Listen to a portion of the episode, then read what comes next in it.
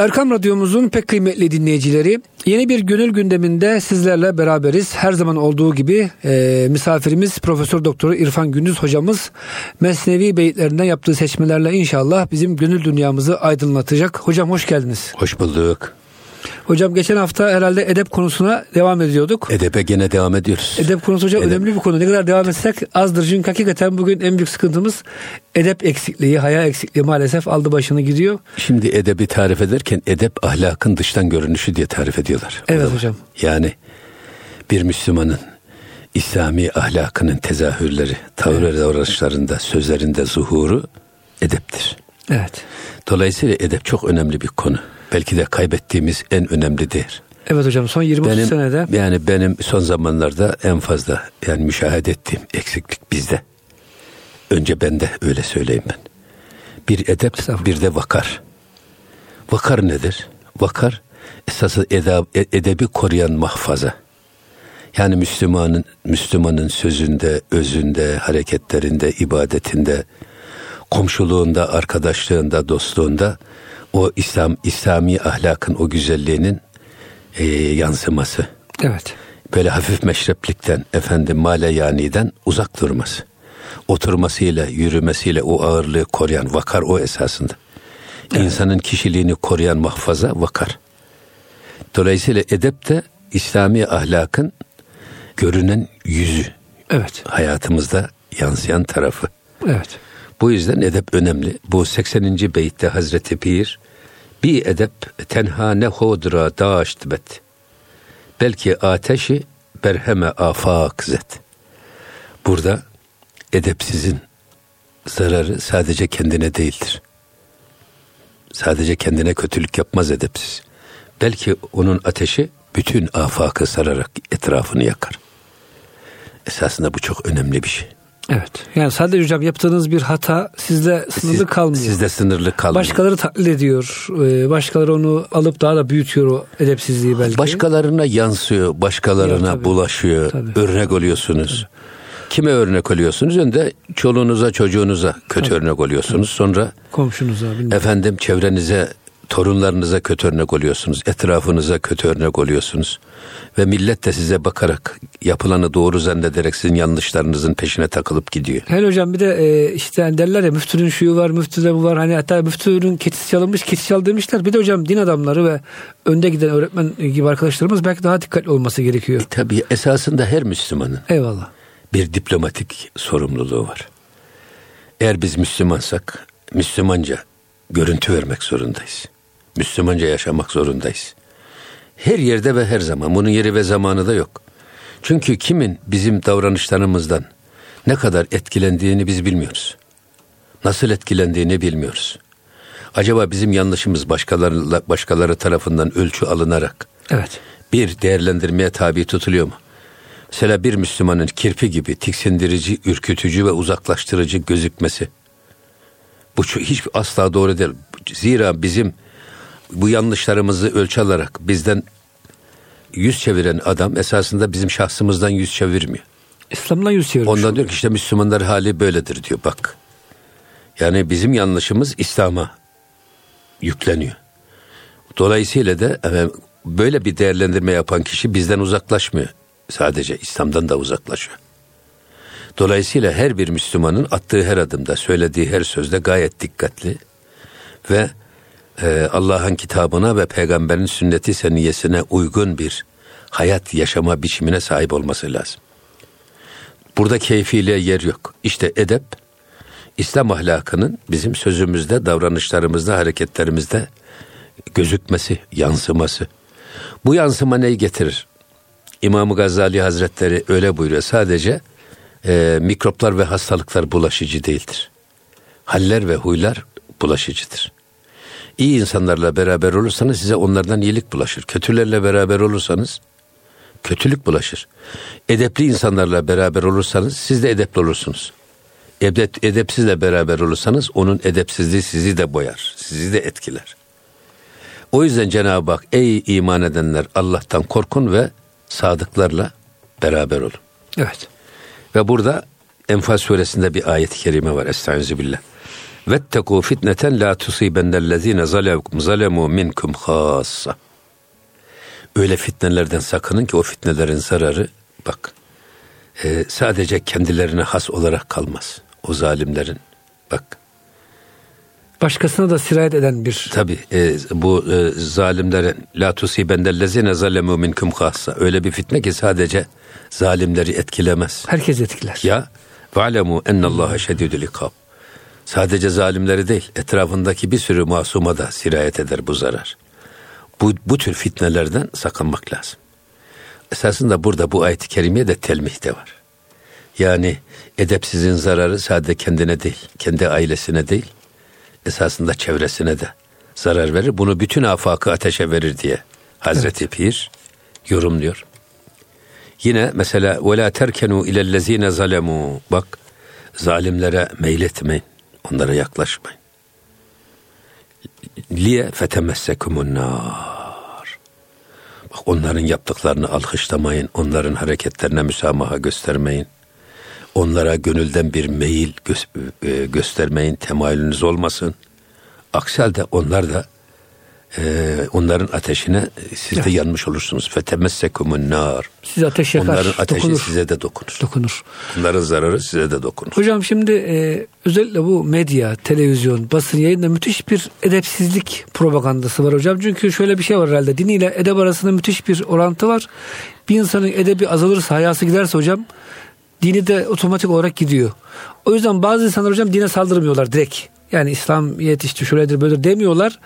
Direkt okullarda, şurada, burada, basında, yayında insanların edebini, ahlakını azaltmaya çalışıyorlar ki zaten edep gidince dinde kalmıyor insanda. O yüzden hocam belki ana babaların bir vazifesi de bu izlenilen programları falan kontrol etmek, e, ne bileyim kötü programlardan çocukları korumak değil mi? Yani siz belki kötü bir insanla fiziken beraber olmuyorsunuz ama Şimdi Kur'an, oturup televizyon seyrediyorsunuz. Kur'an-ı Kerim'de bir ayet-i kerime var.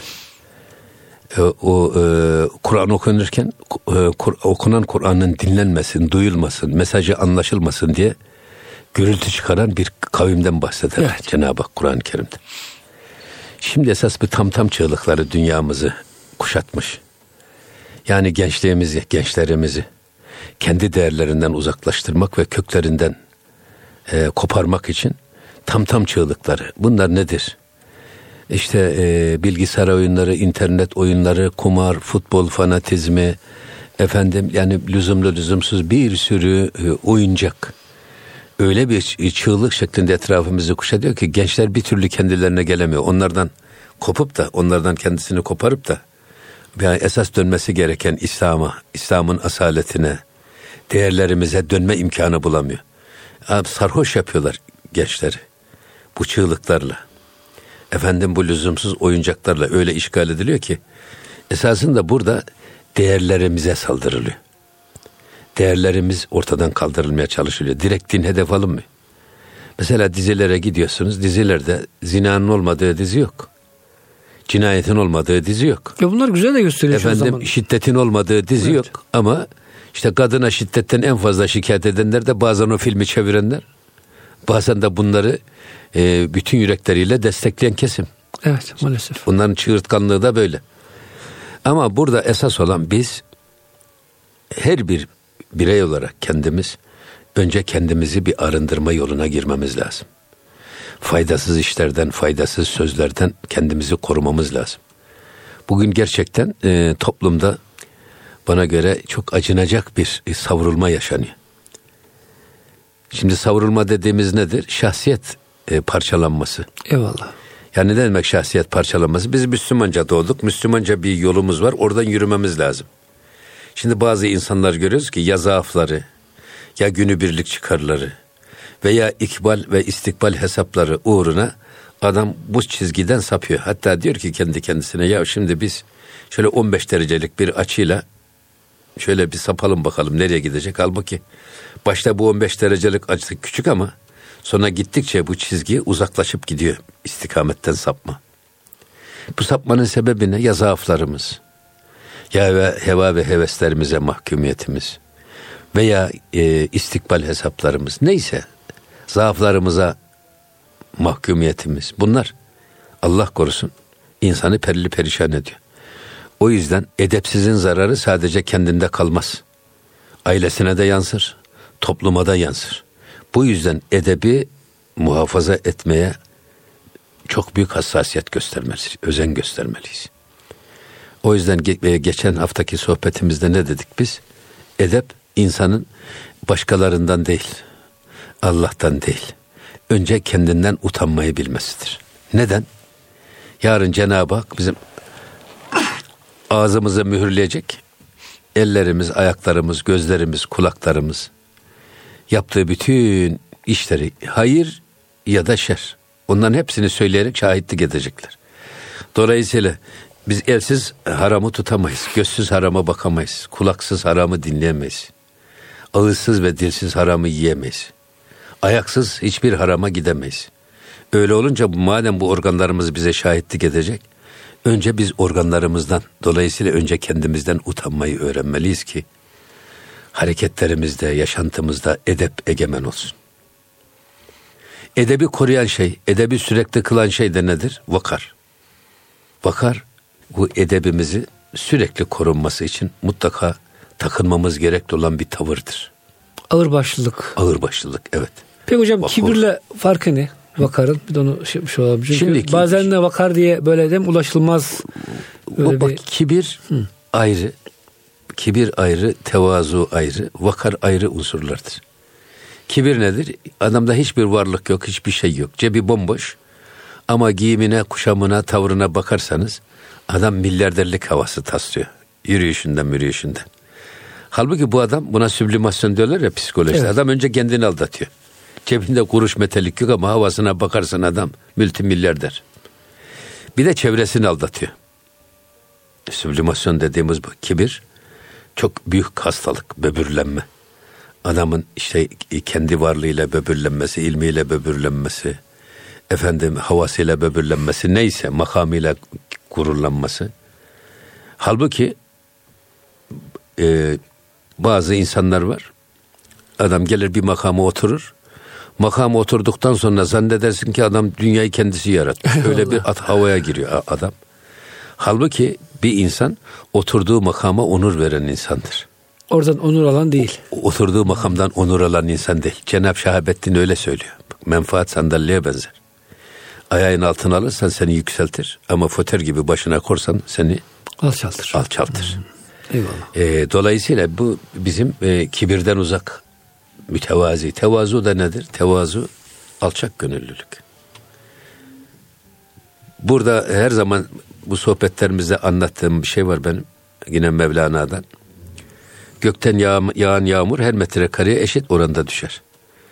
Her metrekareye 10 kilogram yağmur yağar. Ama ne kayaların kibirli zirveleri ne de dağların gururlu tepeleri o yağan yağmurdan nasibini almaz. Onların hissesine düşen 10 kiloluk yağmur da onlardan sızar. Nerede birikir bu yağmur? O mütevazi çukur toprakta birikir. Orası göl olur, orası orman olur, orası bereket olur. Siz de Allah'ın rahmetinden ve feyzinden nasip olmak istiyorsanız gözü yaşlı, gönlü kırık, boynu bükük insan olun ki yağan rahmeti ilahi sizin yüreğinizde biriksin. Tevazu da budur. Vakarsa bu edebi korumak, hafif meşreplikten, yanlış anlamalara meydan verecek hatalardan, basitliklerden korumak, edebin gereğini yapmak. Bunun kibirle filan bir alakası yok. Kibir bir aldatmacadır. Kişinin kendisi aldat, kendisini aldatması. Ama vakar, edebini koruması, ahlakının güzelliğini koruması ve onun gereğine göre yaşaması demektir. Vakur insan diyoruz ya biz hani. Hı hı. O yüzden bu vakar bir kılıf, bir mahfaza. İnsanın kişiliğini koruyan en önemli kalkan. Ama İslami kişiliğini koruyan Eyvallah kalkan. Eyvallah. Hocam e, edep konusu güzel gidiyor. Evet. Diğer beyit nasıl? Var mı? Şimdi burada gene bu edep ve vakarla Hı-hı. alakalı esasında da ama biraz daha ilerliyor tabi. Her ciberdu ayete zulümatü gam anzi bi paki ve küstahi istem. Çok önemli bir iş. Zulmetten, gamdan, kederden, hana, sana her ne gelirse, her ne arız olursa bil ki bunun sebebi senin kayıtsızlık ve küstahlığındır. Aldırmayışsızlık. Bir küstahlık benliktir. Hı hı. Bak gururdur, kibirdir. Şimdi biz bu savrulma ve sapma diyoruz ya kişilikten. İstikametten ayrılma, istikametten kopma. Buna ayak kayması deniliyor bizim kültürümüzde. Evet. İşte ben öyle bir yaz yazdım Altınoluk için. Çünkü biz kaygan bir zeminde gidiyoruz. İstikamet kaygan bir zemin. O istikameti sürekli sürdürmek zor bir iş. Peygamber Efendimiz bile diyor ki benim Hud sureti, suresi belimi büktü. Niye ya Resulullah dendiğinde? Festakim kema ümirte ayeti. Allah'ın emrettiği gibi dosdoğru ol. Menfaatin emrettiği gibi doğruluk değil, canın istediği gibi doğruluk değil. Hesabına göre gelen doğruluk değil, işine göre gelen doğruluk değil. Marifet Allah'ın istediği gibi dosdoğru olmak. İşte bunun gereğini yapmanın ağırlığı benim belimi büktü diyor Efendimiz. Allah'ın Resulü böyle buyurursa bize ne düşer? Eyvallah hocam. O yüzden işte bu istikamette ısrarlı ve sapmadan, savrulmadan dost doğru yürümek. Bunun için sebat lazım, bunun için azim lazım, bunun için irade ve kararlılık lazım ve bunda ısrar etmek lazım. İşte burada eğer zulmetlerden ve gamdan eğer bize bir şey geliyorsa bunun sebebi bil ki bizim nedir? Bir küstahlığımız, bir de bilganeliğimiz, önemsemememiz, önem vermeme, verme işimiz. İşte burada önemseme ve küstahlıktan, kibirden uzak, gururdan uzak, vakarla kişiliğimizi koruyan bir tavır. Ve aynı zamanda e, biganelik. O da işte vakarı bozan şey umursamazlık, boş vermişlik. Bugün buna nihilizm diyorlar ya esas. Bugün bizim toplumumuzda. Boşver. Belki özellikle, ilgilendirmez. Bana ne? Evet o, o, o, özellikle ilahiyatçı bazı arkadaşlarımızın esasında içine düştüğü çukur bu nihilizm çukuru. Geçen Diyanet İşleri Başkanımız çok güzel ifade buyurdular bu meseleyi. Onun için eğer ne gelirse eğer biz e, Cenab-ı Hak kuluna zulmetmez. Eğer bize bir hastalık geldiyse önce bu hastalığın sebebini kendi içimizde ararsak buluruz. Hangi hatamızın kefaret olarak Cenab-ı Hak bize böyle bir derdi verdi? Sebebi nedir? Biz kendi içimize dönerek bakmadığımız için göremiyoruz. Halbuki baksak gerçekten gamda, kederde, hatta hayırda, şerde ne gelirse esasında bu bizden geliyor. Hani e, bize bizden olur. Her ne olursa diyorlar ya. Çok, evet. çok güzel bir şey. Bazen mesela insan bir e, gayri şer'i bir iş yaptınız. Sonra da büyük pişmanlık duydunuz. Bu pişmanlık sizi müthiş rahatsız ediyor içinizde. Adeta içinize bir karanlık çöküyor. Ben bazen mecbur kalmadığım sürece ne İstiklal Caddesi'ne giderim. Efendim ne e, Nişantaşı'na giderim. Çünkü gittiğim zaman bakıyorum bir hafta üzerimde gönlümde bir ağırlık hissediyorum. İşte esasında işte vicdan bundan rahatsız oluyor esas. Dolayısıyla bu tür yerlerden kaçınmak lazım. Bu ortamlardan uzak durmak lazım. Hocam bu neme lazımcılık bugün de çok yaygın hakikaten. Hem kendi davranışlarımızda yani ben istediğim gibi yaşarım. Bu özgürlük evet. hocam ve bireysellik felsefesi çok geliştiği için. Yani hiç kimseyi e, takmamak diyelim bunu. Hocam bu çok var. Ailede var, toplumda var, okullarda var maalesef. O yüzden hocam bugün İslam yaşamak daha da zor eski günlere göre herhalde. Çünkü insanlarımızda hem e, yüksek hocam bir gurur kibir şeysi var.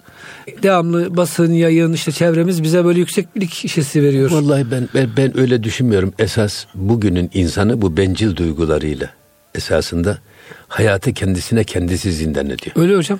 Ve bizim çok sevdiğim bir sözler söz var. Sevinçler paylaşıldıkça büyür, sıkıntılar paylaşıldıkça küçülür. Bizim ecdadımız İslam ahlakının tabii bir gereği sadece kendisi için değil başkaları için de yaşayan insandır. O yüzden müthiş bir paylaşmacı ve dayanışmacı bir medeniyetin biz varisiyiz. Eğer bir insan bu dünyanın yükünü tek başıma taşıyacağım derse işte o altında kalır ve ezilir. Bugünün insanı, bencil insanı bu dünyanın ağırlığı altında ezilen insandır bir. İki, bir de bu e, tüketim çılgınlığı öyle derin ve öyle ağır bir yük yüklüyor ki insanın omuzuna. Zaruret olmadığı halde zaruretmiş gibi takdim edilen şeyler hayatımızı zindana çeviriyor. Bugün desinlere göre yaşıyoruz. Ya ne kadar güzel giyiniyor desinler diye. Biz başkalarına göre yaşıyoruz. Desenlere göre yaşıyoruz. Desenler dediğiniz ne? Ya kendi giyim kuşam zevkimiz bile elimizde değil. Ya ben canımın istediği gibi kendime yakışanı bulup giymek zorundayım ama giyemiyorum ya. Modacıların çizdiği biçimler, şekiller, desenler bizi kuşatmış. Bizi onlar yönlendiriyor. Ve böyle önce giyim kuşam zevkimizi elimizden alıyorlar. Sonra değerlendirme ölçümüzü elimizden alıyorlar falan öyle bir noktaya geliyor ki artık bu insan düşünemez. Kendi başına bir iş yapamaz. Ancak e, modalaştırılan bir rüzgar e, gibi estirilen havaya göre kendisine ayarlayan sürü bir kişi haline geliyor insan. Maalesef. Ve bugünkü zihniyetin en büyük düşmanı kişilik sahibi insanlardır. Kendi aklına göre hareket eden, kendi kalbine göre duyan, yorumlayan, efendim kendi istediği gibi hayatını, kendi istediği gibi derken esasında bu kendi isteğimiz bizim, kendi isteğimiz değil. Allah ve Resulünün isteğine göre yolunu, yöntemini belirleyen, iyiyi ve kötüyü yine kendi çıkarına, kendi hoşuna giden şeye göre değil, Allah'ın kitabı ve peygamberin sünnetine göre değerlendirerek iyi ve kötüyü ayırt eden. Şimdi böyle bir insan bugünkü çağın istemediği insandır. Hatta hocam İslam'a savaş açılmasının en büyük sebebi de Müslümanların tam modaya teslim olmaması, Evet. tam böyle tüketici şeye girmemesi. Evet. E, hatta başkasına örnek olduğu için de işte tevazusuyla, efendim e, mütevaziliğiyle, az tüketim yaparak e, kanaatkar olmasıyla bu sefer e, İslam tehdit oluyor bütün dünyaya. Kapitalizme. Evet. E, buyurun hocam herhalde e, devam ediyoruz. Şimdi 104. beytte Hazreti Pir esasında tekrar bu Mevlana'nın üslubudur. Şimdi şeye döndü kıssaya. Kıssayı hocam unutmuştuk biraz. Kıssa hangi kıssaydı Ha, hocam? yani padişah, pa- okuyucularımıza. padişah e, hani bir cariyeye aşık Eyvallah. oluyor ya. Evet.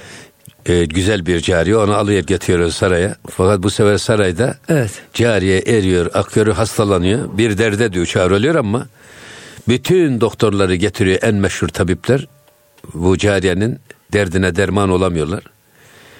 Nihayetinde doktorlardan ümit kesince padişah mescide kapanıyor, yalvarıyor, yakarıyor, ağlıyor, sızlıyor. Ya Rabbi şu cariyeme bir çare diye. O sırada uykuya dalıyor mescitte. Orada diyor ki bak işte e, sen sarayın penceresinde bekle bak bir adam gelecek. Yüzü pırıl pırıl aydınlık. Bir Allah adamı. Bir veli. O adamı gördüğünde onu evine al. e, sizin cariyenin derdinin devası onun elindedir. Gönül hastalıkların hocam tedavisi demek ki Allah dostları ve güzel E insanlarla tabi zaten öyle bir güzel bir hocam? sözü var. Şey, Evet. e, bedenlerin derdi tabipten, gönüllerin derdi de Habib'ten öğrenilerek çözülür diye. Allah'ın sevgililerinden. Evet. Önce peygamber tabi Habib'ten Ee, kasıt. Tabii şeyin e, Mevlana'nın güzel Eyvallah. bir sözü. Şimdi burada e, bakıyor ki böyle sarayın penceresinden bir adam geliyor ama yüzü ay gibi parlak. Önünü aydınlatıyor. Yani simahum fi vucuhihim min eseri sucud. evet. Büyük bir edep var yürüyüşünde, bakışında bir vakar var, bir ağırlık var. Onu görünce hemen diyor ki bu e, rüyamda bana gösterilen adam hemen iniyor. Hoş geldiniz efendim filan ederek saraya alıyor, ağırlıyor, izzet ikram ediyor filan. Hocam bu konuda hemen Sahabe Efendi ile Musa Efendi Hazretleri Yalova'dan geliyorlar bu tarafa. Orada hocam tabi sert tabiatlı insanlar var. Bu, arabaları şuraya git, şuraya park et, işte öne geçme diye bağıran çağıran. Şöyle bir bakıyor ki eğiliyor. Sahabe Efendi ve Musa Efendi oturuyorlar arka koltukta. Ya diyor yüzler var çıfıt gibi yüzler var böyle ay gibi nur gibi diyor. E, hakikaten Allah dostlarının hocamın simaları tarih boyunca hep böyle dikkat çekmiştir. İbn Acibe diye bir güzel müfessir var hem sufidir kendisi. Diyor ki Allah dostlarının e, yüzleri parlak olur. Zenci dahi olsa Allah yanıyor. onlara ayrı bir aydınlık yanıyor, yanıyor. parlaklık verir. Yani Yanıyor. İlla o beyaz olmasından hocam Ashab-ı. Suffe'ye gidin bir bakın. Ashab-ı Suffe'de bugün yaşayan o esmer insanlar. Rahmetli Ali Ulvabi'nin evinde bir hatim için gittik biz Medine-i Münevvere'de. Evet. Ashab-ı Suffe'dekilerin hepsini de getirmişler. Orada beraber onlarla bir hatim okuduk. Allah Allah. Onların yüzlerine baktıkça gıpta ettim. Ne Güzellik. kadar nurlu olur insanlar. Ben bunu bir de Sudan'da gördüm. Onlar çok Biz Mısır'a insanlar hocam. gittiğimizde Lüksör'den Sudan'a geçtik. Ramazan'dı. Camide bir köye gittik. Orada bir namaz kılalım diye. Namazı kıldık. Baktık bizi bırakmadılar. Siz Abdülhamit Han'ın torunlarısınız diyerek bizi Evet. aldı. Üç gün bırakmadılar. Allah Allah. O güzel insanlar, nasıl nurlu insanlar. Siz Siyahiler ama Ali, yüz Ali, parlıyor. Halife Yuru Zemin'in torunlarısınız diyerek bize üç gün ne izzet ikramlarda bulundular. Ben hiç unutamam. Yani o yüzden e, bir defa bu e, yüz güzelliği, sima güzelliği tabii dolu testi dışına sızdırır. Eyvallah hocam. İçeride ne varsa değil mi? içeriden, içeriden dışarıya yansıyor. Hocam geçen ara tatilinde Umre'ye gitmiştik. Bir kardeşimiz dedi ki bir sıkıntılarım var hocam dedi. Bana şu kadar bir meblağ dedi bir e, sadaka dağıtır mısın? E, dağıtırım dedim. Hocam cuma öncesi başladım. Çok da para değildi ama. Ya kime baksam dağ gibi hepsi. Hepsi yüzü parlıyor. Utandım.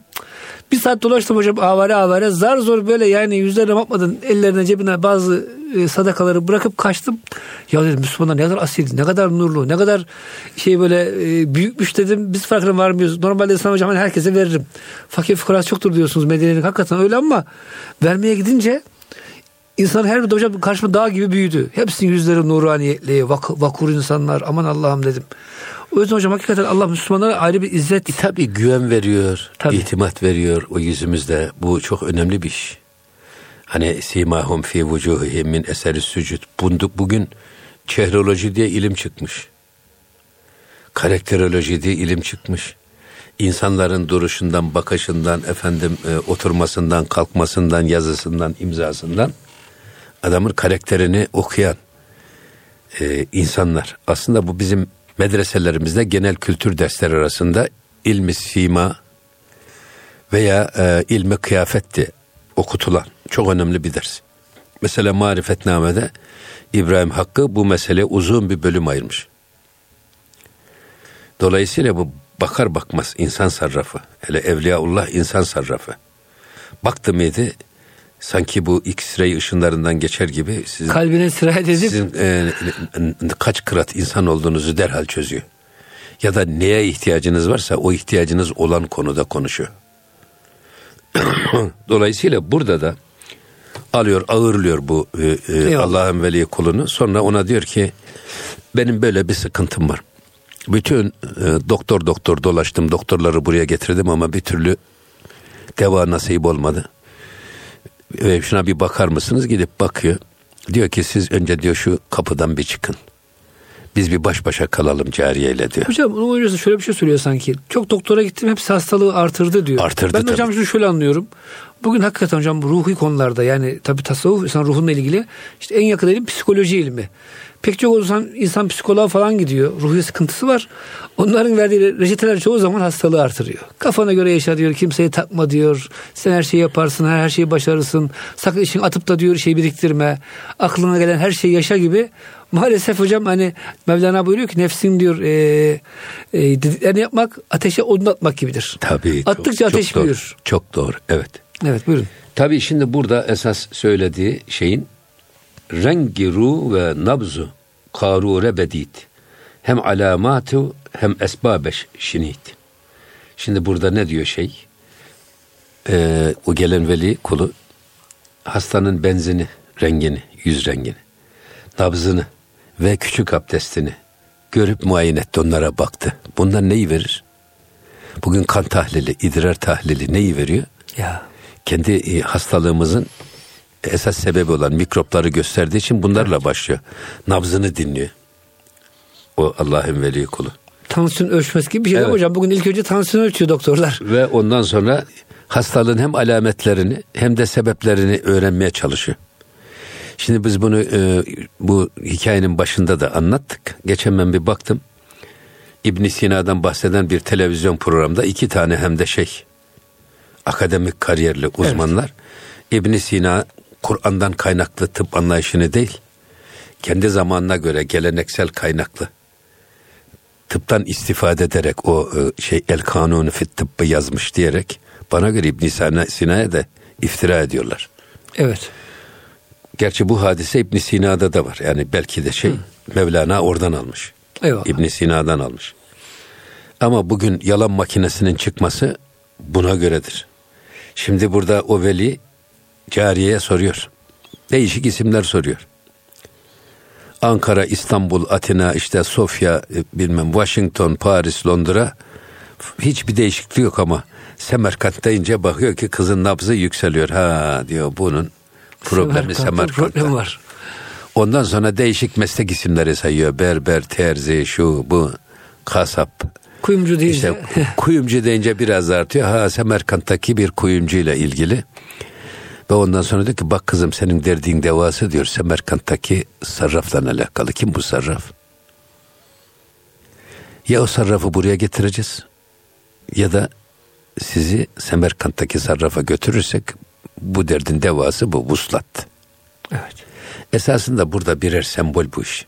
Tabii hocam tamamen böyle şey, Ha, hareket burada ediyor. yani esas Mevlana'nın ifade ettiği şey ya ruhumuzu alıp geldiği yere götürmek veya Cenab-ı Hakk'ı öyle ki Cenab-ı Hak zaten hep bizlerle beraber ama öyle bir beraberlik sergileyeceğiz ki biz sürekli Allah'la beraber olacağız. Ruhumuzu Allah'a götüreceğiz. Evet. Hocam sanki burada Esasen e, vuslat dediğimiz bu. Vuslat nedir? Sevdiğimize kavuşmak. cariye hocam nefsi yani ruh nefse aşık olmuş. Evet. Ya ruh nefsin seviyesine düşüp tamamen e, o ilahi kaynağını unutacak. Evet. Belhum adal gibi hayvanlar gibi yaşayacak. Evet. Veya hocam nefsi terbiye edeceğiz. Elini ayağını e, sıkı bağlayacağız neyse yaramazlık yapmasın diye. Onun ruhun seviyesine çıkaracağız.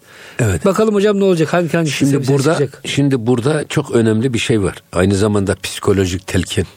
Evet. insanların şuur altını çözerek esas onu rahatsız eden duyguları yakalamak ve insanı kurtarmak. Hocam buna psikanaliz var biliyorsunuz. Psikanaliz Freud'un tabii. bulduğu söyleniyor. Bak bakınız burada yani çok açık ve net şekilde. Tabi tabi kaç asır uygulaması önce var. Uygulaması var. Mevlana bunu hocam uygulayarak. Uygulayarak tabi. Hocam orada hasta mahremiyeti var. Padişaha gönderiyor. Kimse kalmasın sarayda diyor. Tabi hayır rahat cevap versin Rahat diyor. cevap versin, Tabii. evet. Bir baş başa bir görüşelim. Bazen öyle olur ki mesela söylemiyor padişah. Bak bunu diyor. Senin sen diyor şeye aşıksın tamam Semerkant'taki sarrafa. Ya onu buraya getireceğiz ya seni. Seni oraya götürmek olmaz. En iyisi diyor sarrafı buraya getirelim ama Eyvallah. sakın diyor bunu dediklerimi Kimseye söyleme. padişah da duymasın. Bak Evet. padişah da yavaş yavaş anlatıyor. An- alıştıra alıştıra. O da başka şekilde anlatıyor hocam. Başka şekilde anlatıyor ve ondan sonra e, işte ona diyor ki şey bu Semerkant'taki sarrafı buraya getirelim diyor. Onu diyor kuyumcu başı yap. Kuyumcu başı yap Kalite filan adamdır. diyor. Evet. Gidiyorlar ekip gönderiyorlar bir sürü hediyelerle filan. Zar zor ikna ediyorlar ve adamı getiriyorlar. Sarraf geldikten sonra kız düzeliyor. Çünkü vuslat hasıl vuslat hasıl oldu. Evet. Sevdiğine kavuştu. Zaten esas bu e, hasret insanı rahatsız ediyor. Vuslatsa bütün şeyi bitiriyor. Hocam bugünkü insan, içimizdeki stres ve kaygılar esasında vuslatsızlıktan değil mi? Yani bir E, şeye tabii. kavuşmak istiyoruz. Kavuşamamışız Rabbimize. Evet. Çünkü hocam bu ruh Allah'a kavuşmak şeyine yaratılmış Ela bi tabiatıyla. tatmainnul kulûb. E, Bunu yapmadığımız zaman hocam içimizde stres, kaygı, öfke birikiyor. Patlayacak hocam yer arıyoruz esasında. Evet. Şimdi buradaki e, bu ben bu yine buradan hareketle Buyurun. e, bakın burada psikolojik telkin var. Psikanaliz metodu var. Burada Jung psikolojisi var. Çağrışım psikolojisi var. Mesela aynı bu, bu benim uygulamasını Jung böyle rahatsız bir adam e, adamı psikana yani psik- şeye alıyor e, telkini alıyor ya da alıyor, evet. psikanaliz şeysi programını alıyor. Adama değişik şeyler soruyor. Adamda hiçbir değişiklik yok. Yani hangi soruyu sorarsa adam saniyenin 20'de biri kadar olan bir sürede cevap veriyor. Dolayısıyla bu sorulan soruyla ilgili adamın problemi yok. Jung bunu biliyor. Ondan sonra adama bir e, sivri bir nesne deyince adam buna cevap verirken biraz e, gecikiyor, başlıyor. gecikiyor. Evet. Anlıyor ki bu adam sivri, sivri kelimesiyle bir problemi var. Sonra bir bıçak deyince adam daha da uzuyor vereceği cevap. Çünkü adam bir senaryo kuruyor içinden. Evet. Muhatabından saklamaya çalıştığı bir işin bir var değil mi tarafı var. hocam? O yüzden cevap süresi gecikiyor. Sonra da ucu kanlı sivri bir bir bıçak deyince adam irkiliyor. Bak diyor sen diyor geçmişte ucu sivri bir bıçakla bir adamı ya da bir canlıyı yaralamışsın. Öldürmüşsün. Adam ölmüş ya da ölmemiş. Ama bu olayı başta kendin olmak üzere herkesten de saklamaya çalışıyorsun. Esas seni rahatsız eden duygu, dürtü budur diyor. Bak bu yalan makinesi buradan çıkıyor. Bugün poliste kullanılan yalan makinesi. Amerikalılar çok kullandığı. İşte bak bugün Jung psikolojisinin temelleri. Efendim işte e, Freud'un düşüncesinin Evet. temelleri. E, hep burada çıkıyor. Tabii hocam bunlar almışlar biraz yanlış da kullanmışlar ama E, tabii e, fikir hayır. bizden. Esas ana şey Başlangıç bizden. Tabii. Bunu kendilerine mal etmek için efendim belki eğmişler, büyümüşler ama fakat yine de e, hani dumanı doğru çıkıyor derler ya. Evet. Adamlar ne kadar eğip büyüse de esas söylemiyorlar da bunu. Tabii söyleseler o zaman Fikir namusu İslamiyet'in olsa, adı fikir yükselecek. namusu olsa biz bunu Mesnevi'den aldık deseler o zaman bu İslam kültürünün yayılmasına zemin hazırlayacaklar. Yüceliğine zemin hazırlayacaklar. Eyvallah. Bundan korkuyorum. Şimdi hocam e, biliyorsunuz Batı'da şöyle bir şey var. Bütün işte e, gelişim, felsefe, psikoloji Greklerde, Yunanlılarda, Romalılarda. Bizim hocam İslamiyet'in en e, hızlı olduğu e, orta çağlara da karanlık çağ diyor. Halbuki hocam karanlık çağda İbn Haysem mesela hocam ışığı keşfediyor. Işık ve fotoğraf makinesinin sırrını çözüyor mesela. Bu hocam bin bir e, keşif diye güzel bir kitap var. E, İngiltere merkezli bir e, vakıf yayınlamış. Hakikaten Müslümanların yaptığı icatların hocam hemen hemen e, %99'u bugün bütün şu bildiğimiz modern e, bilgisayarlarda, televizyonlarda, kameralarda kullanılanların e, kökenini icat etmişler. Maalesef hocam bize tabii sahip çıkmıyoruz. Yani kendi ders kitaplarımızda bile e, işte aşıyı şu buldu, televizyonu bu buldu, bilmem merceği şu ya falanca buldu. Süleyman'cığım, Süleyman'cığım şimdi e, bir defa biz önce köklerimizden koparılmışız. Aynen öyle hocam. Dolayısıyla bugün bizim için referans bir tek kaynak var Batı. Batılı kaynaklar. Evet. İngilizce kaynaklar, Almanca, Fransızca kaynaklar. Maalesef. Niye? Biz bir e, kültürel kesmeye, kültürel bir kopuşa e, müncer olmuşuz. Bir gece akşam ordinarist profesör yatan adam sabah zır cahil olarak uyanmış. Okuma yazması Ve olmayan. biz koskoca bir çınar gibi kök kökümüzden kesilmişiz. Sonra oradan bir dal kopartmışlar da vazoya koymuşlar. Onu yetiştirmeye çalışıyorlar. Şu anki kültürümüz böyle. Kocaman ağacı kesip Sera bitkisi gibiyiz. Evet. Köklerimizden kopartılmışız. Dolayısıyla bugünün insanının bizim geçmişte bizim ecdadımızın ne yaptığını bilmesi ve bulması çok zor. Araya tercüman lazım. Ama çok şükür ki son zamanlarda bu köklerle buluşma gayretlerinin neticesi pek artmaya çok başladı. eski eserler dilimize kazandırılmaya başladı. Biz köklerimizle buluşmak mecburiyetindeyiz. İstikbali hep göklerde değil aynı zamanda köklerde de aramamız lazım. Ya hocam uçmaya çalışanlar bizden çıkmış. Füze yapmaya Evet. çalışan abdest Şimdi- alma makinesi, suyu hocam o suların fışkırması, hiç mo- motor yok, Ya. makine yok hocam. Hakikaten dehşet Tabii. bir ilim e, açlığı ve arayışı var. Evet. Maalesef onları bugün e, unutmuşuz veya işte unutturulmaya çalışılmış. Bir de e, tabii bu e, devir PR devri. Yani Kim dediğimizde... pazarlarsa kendini Evet yani bana göre burada e, en sahte düşünceler, en sapık düşünceler bile çok albenili ambalajlar, ambalajlar içinde bugün internetten, televizyondan, şuradan buradan sunuluyor. Basın medya yoluyla sunuluyor. Biz de gözleri bağlı, gönülleri bağlı, değer yargıları dumura uğramış bir kişiliksiz insan tiplemesiyle onların akıntısına kapılıp gidiyoruz. evet. Burada esas işte bizim kendi şahsiyet örgümüzü kendimiz örmeliyiz. Burada Mevlana'nın hep ifade etmeye çalıştığı bu. Hocam bir örnek vereyim. Bugün program biteceğiz inşallah. Ama devam ederiz bu konuya. Şimdi hocam batıda bile daha 20 sene öncesine kadar homoseksüellik falan cinayet, suç, yüz kızartıcı bir hal iken yapılan hocam PR çalışmalarıyla bugün e, konu insan hakları, özgürlük, modernlik maalesef böyle özenilen bir hale getirmişler bu e, sapkınlığı. Yani lutilik dediğimiz Kur'an-ı Kerim'de bir kavmin helakına sebep olan hocam kötü fiil. Demek hocam bugün biz de inşallah şu geçmişimizdeki tarihimizdeki köklerimize ulaşıp da oradan geleceğimize bir köprü kurabilirsek İnşallah. Yahya Ee, Kemal'e sormuşlar. evet hocam. Türkiye'nin nüfusu ne kadar diye. Türkiye'nin nüfusunun 15 milyon olduğu zamanlar. evet Cumhuriyet'e yeni Demiş ki çıkmışız. 200 milyon de- demiş. Ya Ya nasıl oluyor bu hesap demişler. Nasıl yaptın? Vallahi ben onu bunu bilmem demiş. Biz Türkler geçmişimizle beraber yaşarız. Tarihimizle beraber yaşarız. evet. Biz geçmişimizle beraber yaşamayı öğrenmemiz lazım. Geçmişinden utanan değil, geçmişinden gurur duyan, geçmişinden yararlanan, geçmişin yanlışları da olabilir. Abartmadan değil mi hocam? Tabii, Tabii, yanlış da olabilir. yanlışları illaki. dadır. illaki. Geçmişin e, tarihten ibret almak bu. Geçmişin yanlışlarına düşmemek. Evet. Ama doğrularını da daha alıp ileriye götürmek. Esas kültürel gelişim böyle olur. Bu bir bayrak nöbeti gibi. Bir nesil bir kültürü bu noktadan alır, bu noktaya getirir. Biz de bu noktadan alıp daha ileriye, göt- ileriye götürmemiz lazım. Ama ecdadımıza sövmeden, onları kötülemeden. Tabii olabilir. Her insanın kulkusuz olmaz. Herkesin bir hatası olabilir. Eyvallah. Hocam burada e, inşallah ara vermek durumundayız. Muhterem dinleyicilerimiz bize verilen sürenin sonuna geldik. İnşallah önümüzdeki gönül gündeminde aynı konulara e, devam ederiz. Daha güzel, e, daha ilginç konularla karşınızda oluruz. Hepinizi Rabbimizin affına, merhametine emanet ediyoruz. Hoşçakalın efendim.